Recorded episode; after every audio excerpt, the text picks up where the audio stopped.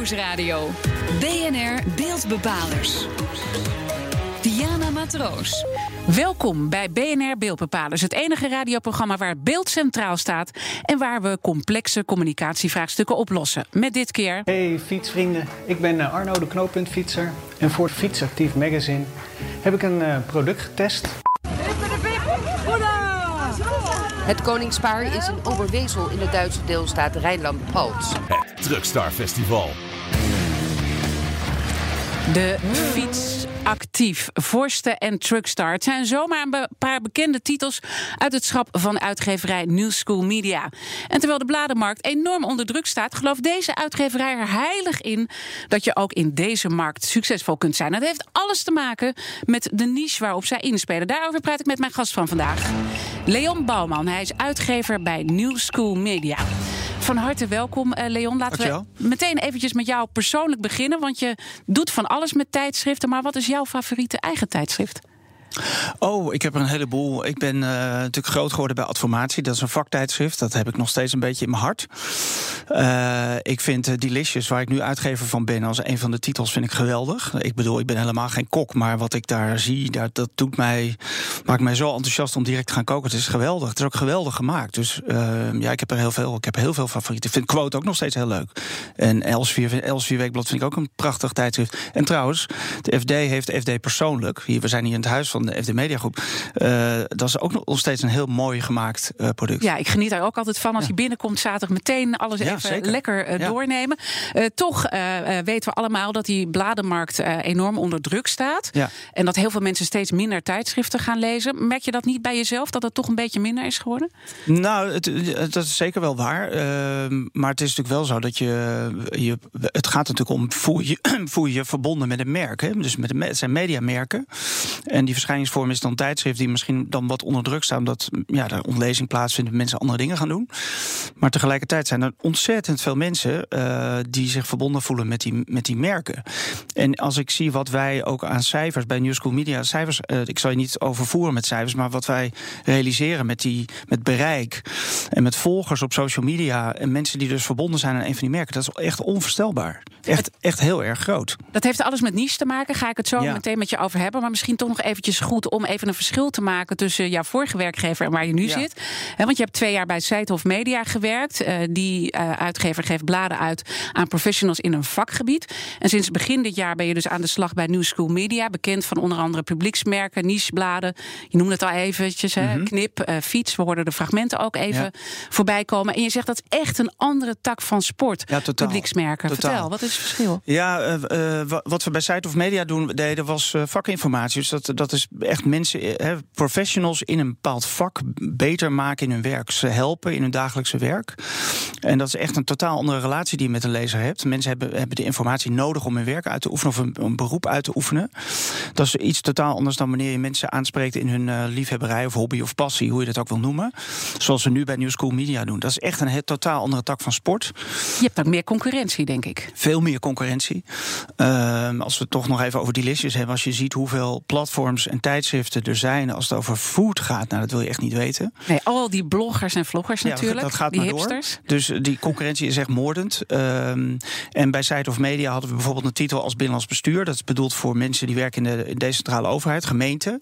Er is gewoon niemand die bij gemeentes werkt in Nederland die niet binnenlands bestuur leest. Want als je dit binnenlands bestuur niet leest, kun je je werk niet doen.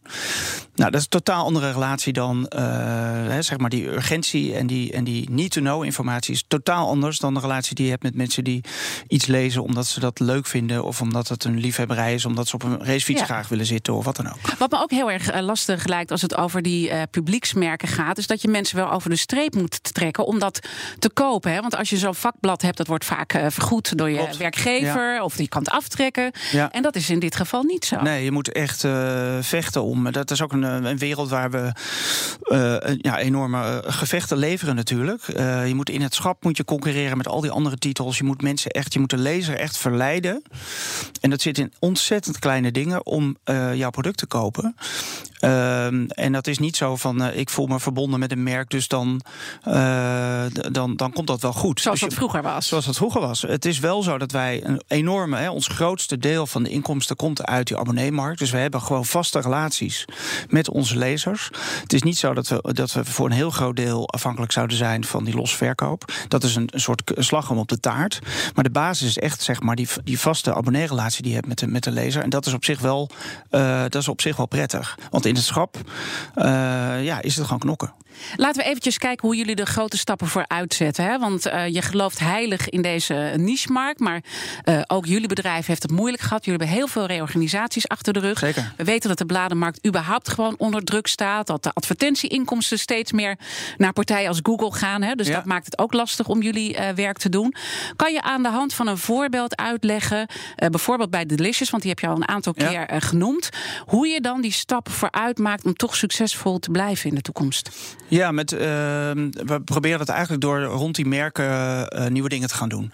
En dus we hebben gezegd van we zijn helemaal bedrijfseconomisch gezond. Uh, we hebben veel achter de rug qua reorganisatie, allemaal voor mijn tijd gebeurd. Nu staat het gewoon sterk, het staat goed op de benen. En nu moeten we vooruit. Dus nu hebben we in kaart gebracht van wat gaan we nou met onze merken doen. En we hebben uit dat totale portfolio van het bedrijf, dat zijn ongeveer 18 titels, dus best veel. Kunnen ook niet alles tegelijk.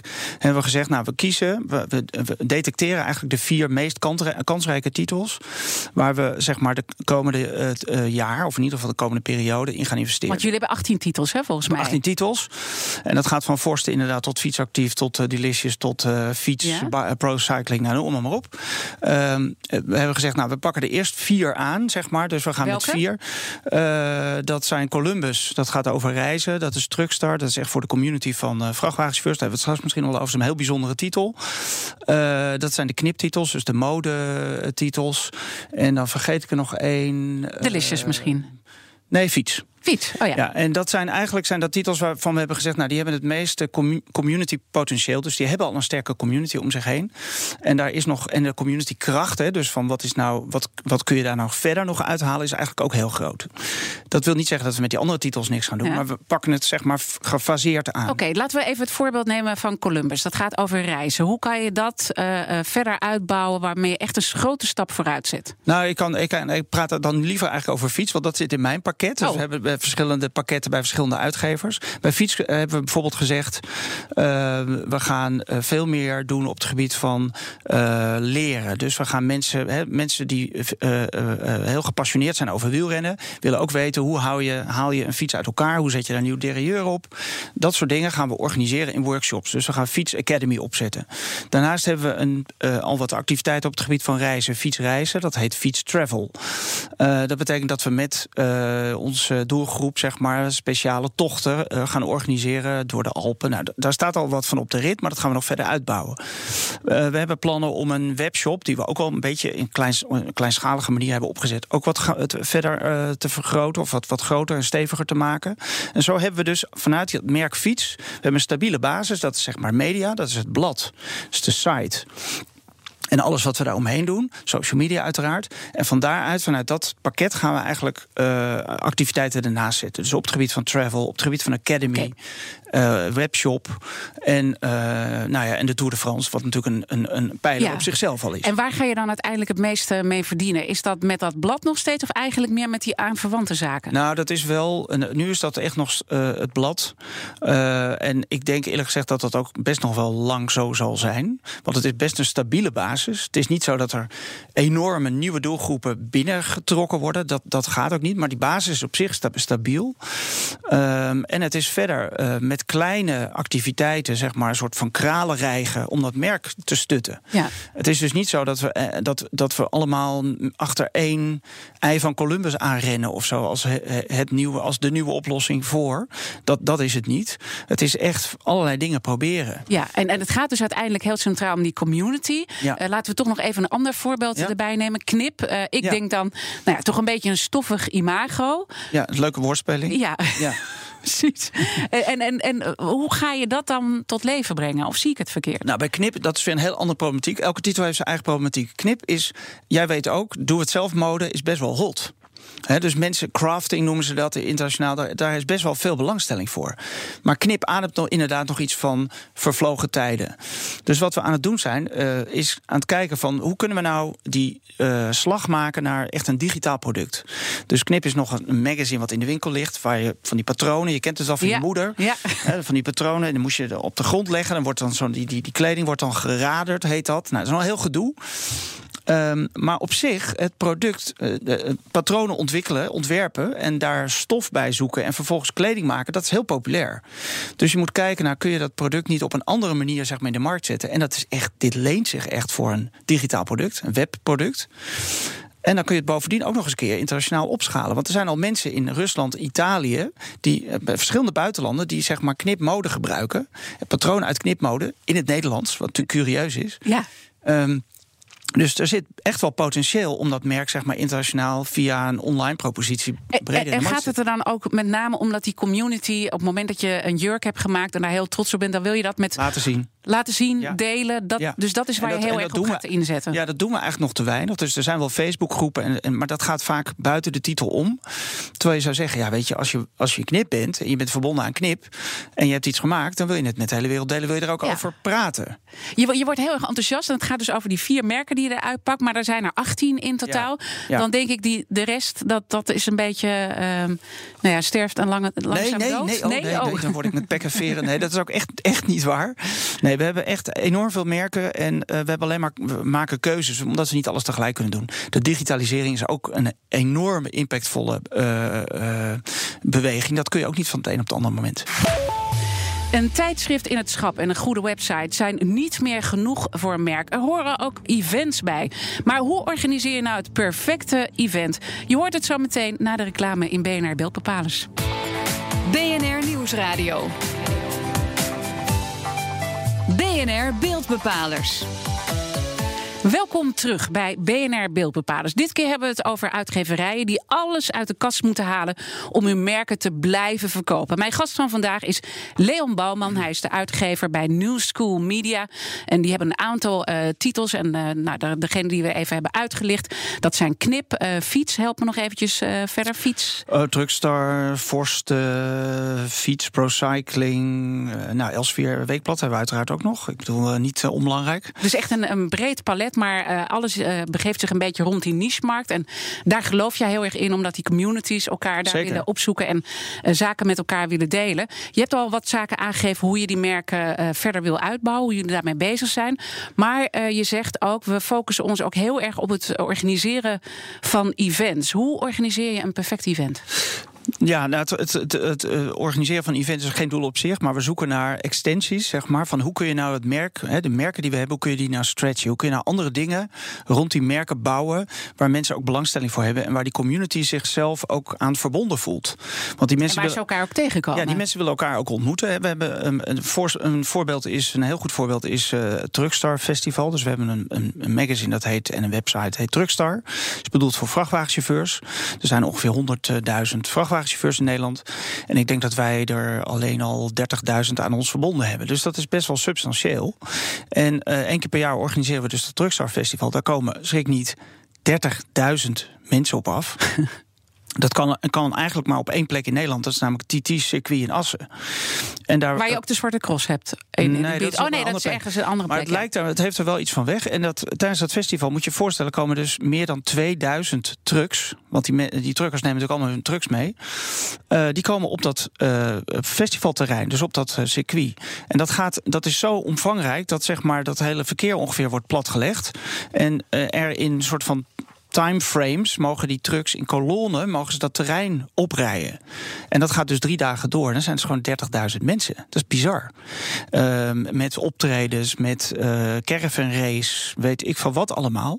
Maar dat is gigantisch. Ja, gigantisch. En dat vraagt dus ook heel wat van de organisatie. Ja. Nou, heb je dus uh, nou ja, een uitgeverij. Je geeft uh, ja. bladen uit. Daar werkten traditioneel mensen die bezig waren met een stuk schrijven, met interviewen. Nou ja, mooie plaatjes erbij, een layout. En dan moet moet je opeens zo'n heel uh, Truckstar-event gaan Ja, dat is wel iets wat al, al jaren in, die, in die redactie ook wordt gedaan. Dus die mensen op die redactie, die zijn zo... dat hele team is zo dedicated met die doelgroep... en ook met dat festival bezig, dat ze precies begrijpen hoe dat werkt. Ehm, bij andere titels is dat anders. Dus bij andere titels moeten we echt die stappen nog gaan zetten naar events. Maar bijvoorbeeld bij Delicious hebben we laatst een event gedaan met eh, Otto Lengi. Uh, culinair goeroe, zeg maar. Nou, daar komen dan een paar honderd mensen op af. Uh, met Formule 1, ook een van onze titels, hebben we vorige week een eh, event gedaan. Ehm, ter gelegenheid van de start van het nieuwe seizoen, Formule 1 seizoen. Daar zaten gewoon 300 mensen in de zaal in Den Haag. Het, het dat zijn... levert dan niet zoveel op, denk ik. Als je even kijkt, de investering die je moet doen. Nee, dat levert nog niet zoveel op. Maar dat is wel, A, het bindt die, die, die, die doelgroep zeg maar, op een andere manier aan het merk. Mhm. En het interesseert ook sponsors om te kijken van verrek, nou, dat Formule 1 weet wel eigenlijk een interessant publiek op de been te brengen. En zo'n event wordt natuurlijk aangejaagd in onze media. Dus dat, dat is eigenlijk voor een, een adverteerder ook heel interessant, een sponsor ook heel interessant. Wat is nu voor jou nog het uh, lastigste? Hè? Want uh, nou, je, bent, je bent heel enthousiast en je gelooft er heilig in. Maar dit is natuurlijk gewoon een ingewikkeld pad uh, dat je moet lopen. En je ziet ook heel veel bladen die ook dit soort events. Hè? Je hebt er natuurlijk de Libelle Zomerweek. Zeker. Linda die heeft een festival, Happiness. Wat is voor jou nu het lastigste? Het lastigste is dat je alles eigenlijk tegelijk moet doen. Dus je moet uh, gewoon ook nog steeds, mensen moeten nog steeds goede bladen maken. Moeten een goede website maken. Uh, je moet nadenken over social media. Die moeten uh, filmpjes, video's maar posten op Instagram. dat moet ook allemaal goed in elkaar zitten. Ze moeten ook nadenken over een event. Ze moeten eigenlijk ook nog op een podium kunnen staan, de microfoon vast kunnen houden. Ze moeten eigenlijk alles tegelijk. En dat kan natuurlijk niet. Nee. En dus hoe, hoe doe je dat dan? Nou ja, dat is dus prioriteiten stellen, planningen maken. Ehm, kijk, redacties en hoofdredacteur vooral die aan die merken verbonden zijn, zijn allemaal fantastisch goed. Hebben ook allemaal goede ideeën, zijn heel creatief. Ze, als, je, als, je, als je ze vraagt om elke dag vijf nieuwe ideeën te bedenken, dan hebben ze die. Het punt is alleen, je moet ze helpen om zeg maar stap voor stap niet alles tegelijk te doen, te focussen op een aantal dingen en een aantal dingen ook vooral niet te doen omdat ze niet bij het merk passen. En uh, daar, moet je, daar moet je op aansturen. Dus je moet ze helpen om zeg maar, uh, een soort lijn uit te zetten. En, en, waarbij je zegt, nou, dit is nu wel haalbaar, dit kunnen we nu wel doen, zo'n event kunnen we wel doen. En dit kunnen we dit jaar bijvoorbeeld nog niet doen. En dat gaan we volgend jaar proberen. Nou, dat, dat klinkt allemaal heel simpel, maar dat is. Bij redacties komt alles tegelijk.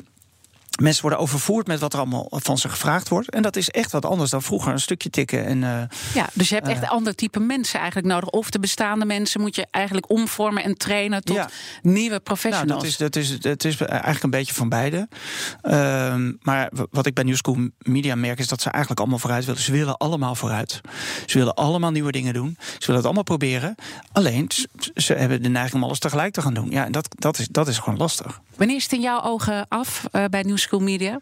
Nou, ik ben net begonnen, hè? Ja, uh, maar je hebt natuurlijk een bepaald doel voor ogen ja, waar nou, we je ook op mogen afrekenen. Nou ja, ik, ik, ja, zeker. Ik heb het idee, uh, ik ben tevreden als we echt ook zichtbaar stappen vooruit gaan maken. Als we dus aan die merken events kunnen hangen die ook iets gaan opleveren. Als we aan die merken, uh, of als we die merken echt door die digitaliseringsslag kunnen verbeteren, zeg maar. Ze echt digitaal verder kunnen brengen. Als we met sommige merken misschien internationaal nog wat stappen hebben kunnen zetten. Zodat we echt een groeipad hebben ingezet. En dat, dat kan. Ik ben ervan overtuigd dat het kan. Uh, want het zijn allemaal communities van mensen die uh, ja, helemaal gek zijn van een bepaald onderwerp of een bepaald thema. En die willen niets liever dan bij zo'n merk horen. Dat is echt heel mooi om te zien. Ik vind het ook heel leuk als je dus met uh, doelgroepers, hè, dus mensen in de doelgroep praat, lezers, over en hoe bevlogen die dan praten over zo'n merk. Ja, dat is geweldig. Dus dat is wel heel mooi dat je echt met die gepassioneerde mensen kan werken ja, via. Ik, ik word er zelf ook, ik word er zelf ook gepassioneerd. Ben. Ik ben bijvoorbeeld geen fietser, maar als je met zo'n lezer van het blad Fiets praat. Nou, die, zijn, die, zijn, die doen even op een zaterdagmiddag een rondje IJsselmeer voor de, voor de lol. Weet je wel? We zijn alweer aangekomen bij de conclusie. En het gaat dus over de bladenmarkt. Jij begeeft je in de niche-markt. Om die grote stappen vooruit te zetten. En je hebt nog een aantal doelen voor ogen daarbinnen. Wat is de belangrijkste stap die gezet moet worden? Nou, de belangrijkste stap die gezet moet worden is dat we een, echt een duidelijk groeipad met de merken die we nu hè, hebben geselecteerd, een duidelijk groeipad gaan inzetten. En dat we dus duidelijk kiezen wat gaan we wel doen, wat gaan we niet doen, waar gaan we onze energie in steken, wat laten we vooral eventjes liggen, wat parkeren we even. En, uh, en daarin hoort ook zeg maar zoeken naar een nieuwe relatie met eh, de adverteerder. Want daar hebben we het nog niet over gehad. De partners, de commerciële partners en sponsors, zijn natuurlijk van wezenlijk belang voor onze merken. Die willen alleen andere dingen dan alleen maar een advertentie in zo'n blad of op zo'n website. Die willen ook meedenken over die willen de meedenken, content. Die willen uh, in contact met die community. Dus die willen ook bij zo'n event aanwezig zijn. En die willen gewoon uh, die, dat partnership op een andere manier laden. Dus daar moet je continu moet je daar creatieve concepten voor verzinnen. Ja, en dat is natuurlijk uh, staat op gespannen voet als je de redactionele onafhankelijkheid hebt, hè, de redactie. Zeker. En dat is hier bij BNR ook ontzettend belangrijk. Ja. Wij bepalen de inhoud Ja. en uh, daar, daar heeft Ja, de adverteerder. Doen wij ook. uh, niets over. Maar toch zeg je, die, die adverteerder, je komt niet meer weg met, met ze een beetje te parkeren. Hoe ga je daar Nee. mee om met dat spanningsveld? Nee, de, de, de, die onafhankelijkheid hebben wij ook. Al zijn wij natuurlijk eh, voor sommige titels, hè, dat zijn doelgroeptitels en minder, zal ik maar zeggen, zware journalistieke producten. Maar om maar even een voorbeeld te geven, fiets is een, uh, is een uh, die, die uh, organiseert van die fietstests. Hè, dan worden die racefietsen aan een grondige test onderworpen. Dat is allemaal onafhankelijk. Dan gaat een redacteur gewoon twee weken met zo'n fiets in de weer en die komt met een rapport. En dat is gewoon Ja. spijkerhard. En waar heeft dan de adverteerder wel meer input gekregen? Nou ja, die, de adverteerder die wil bijvoorbeeld die fanatieke fietser best wel ontvangen in, een, in, op een, in een ruimte, in een zaal, waar die kan vertellen over zijn nieuwe producten of zijn nieuwe technische, de nieuwe technische mogelijkheden, ik noem maar wat. Dus er zijn gewoon andere manieren waarop je met een partner samen kan werken. De beeldbepaler van de week. Tijd voor de beeldbepaler van de week. We kijken altijd wie deze week het beeld heeft bepaald. En de redacteur Madelief van Haarlem is zoals altijd bij ons aangeschoven. Vertel, wie is het geworden? De beeldbepaler van de week is de NPO. Want in de vorige uitzending van BNR Beeldbepalers was ster-directeur Frank Volmer te gast. Nou, hij vertelde dat hij zich grote zorgen maakt over het stapsgewijs afbouwen van de sterreclames, waar ook de NPO voor was. Nou, nu is er goed nieuws voor Volmer, want de NPO heeft minister Arie Slob van Media gevraagd om dit niet te Ah. doen. Ja, dit komt door een recent onderzoek dat ze hebben laten uitvoeren. En daaruit blijkt dat een meerderheid van de televisiekijkers reclame op de NPO eigenlijk helemaal niet zo erg vindt. Dus uh, in een, in een uh, brief aan de minister, uh, die in handen is van het AD, staat dat de uitkomsten van het onderzoek de NPO hebben verrast. En nou ja, nu komt de minister later natuurlijk nog met een brief waarin hij dan laat zien hoe hij het toekomstbeeld uh, van het hele medialandschap uh, voor zich ziet. Dus in dat opzicht is het weer even een lichtpuntje voor Frank Volmer. Uh, Leon, hoe heb jij naar deze ontwikkelingen gekeken? Nou, ik ken Frank ook goed en ik ken zijn belang. Dat, uh, dat begrijp ik heel goed. Maar volgens mij wordt hier al decennia over gepraat. Hè, over het feit dat we misschien al wel terug zouden moeten naar twee uh, publieke zenders. En dan zonder reclame kan allemaal prima volgens mij. Dat schept namelijk ook weer commerciële kansen voor andere mediabedrijven in dit land. Hè, want we hebben het allemaal best moeilijk. Uh, en volgens mij is niet het argument of het uitgangspunt of de kijker nou wel of niet zit te wachten op die reclame. Het zit, het zit er meer in aan de businesskant. He, van hebben we die reclame nou nodig om die zenders overeind te houden? Als je nou zegt, nou ja, we hebben het nodig uh, om drie zenders overeind te houden, dan hebben we het misschien niet meer nodig als we naar twee zenders zouden gaan. Dus ik ben voor. Ik ben dus voor. Voor het afbouwen twee, van de reclame. Twee zenders. Ja. Publieke zenders, kwaliteit, prima, ben ik helemaal voor. Maar die reclame, en, en, en daar horen ook allerlei programma's dus niet bij... die prima door de commerciële kunnen worden gemaakt. En dat schept volgens mij commerciële ruimte voor andere mediabedrijven. En heeft het je verrast dan dat de NPO nu toch een draai maakt? Het is Nee, een, brief in handen van het AD, dus we moeten nog even... mij totaal niet, want ik heb uh, heel veel over media geschreven, ook in het verleden. Ja. En dit komt echt elke kabinetsperiode opnieuw voorbij. En dat gaat gewoon niet gebeuren. Ik wil je heel hartelijk uh, danken. Natuurlijk dank Madelief uh, van Haarlem. En dank aan mijn gast Leon Bouwman, uitgever bij New School Media. Dit was BNR Beeldbepalers. Terugluisteren kan zoals altijd via de site, de app, iTunes of Spotify. Mijn naam is Diana Matroos. Heel graag tot volgende week.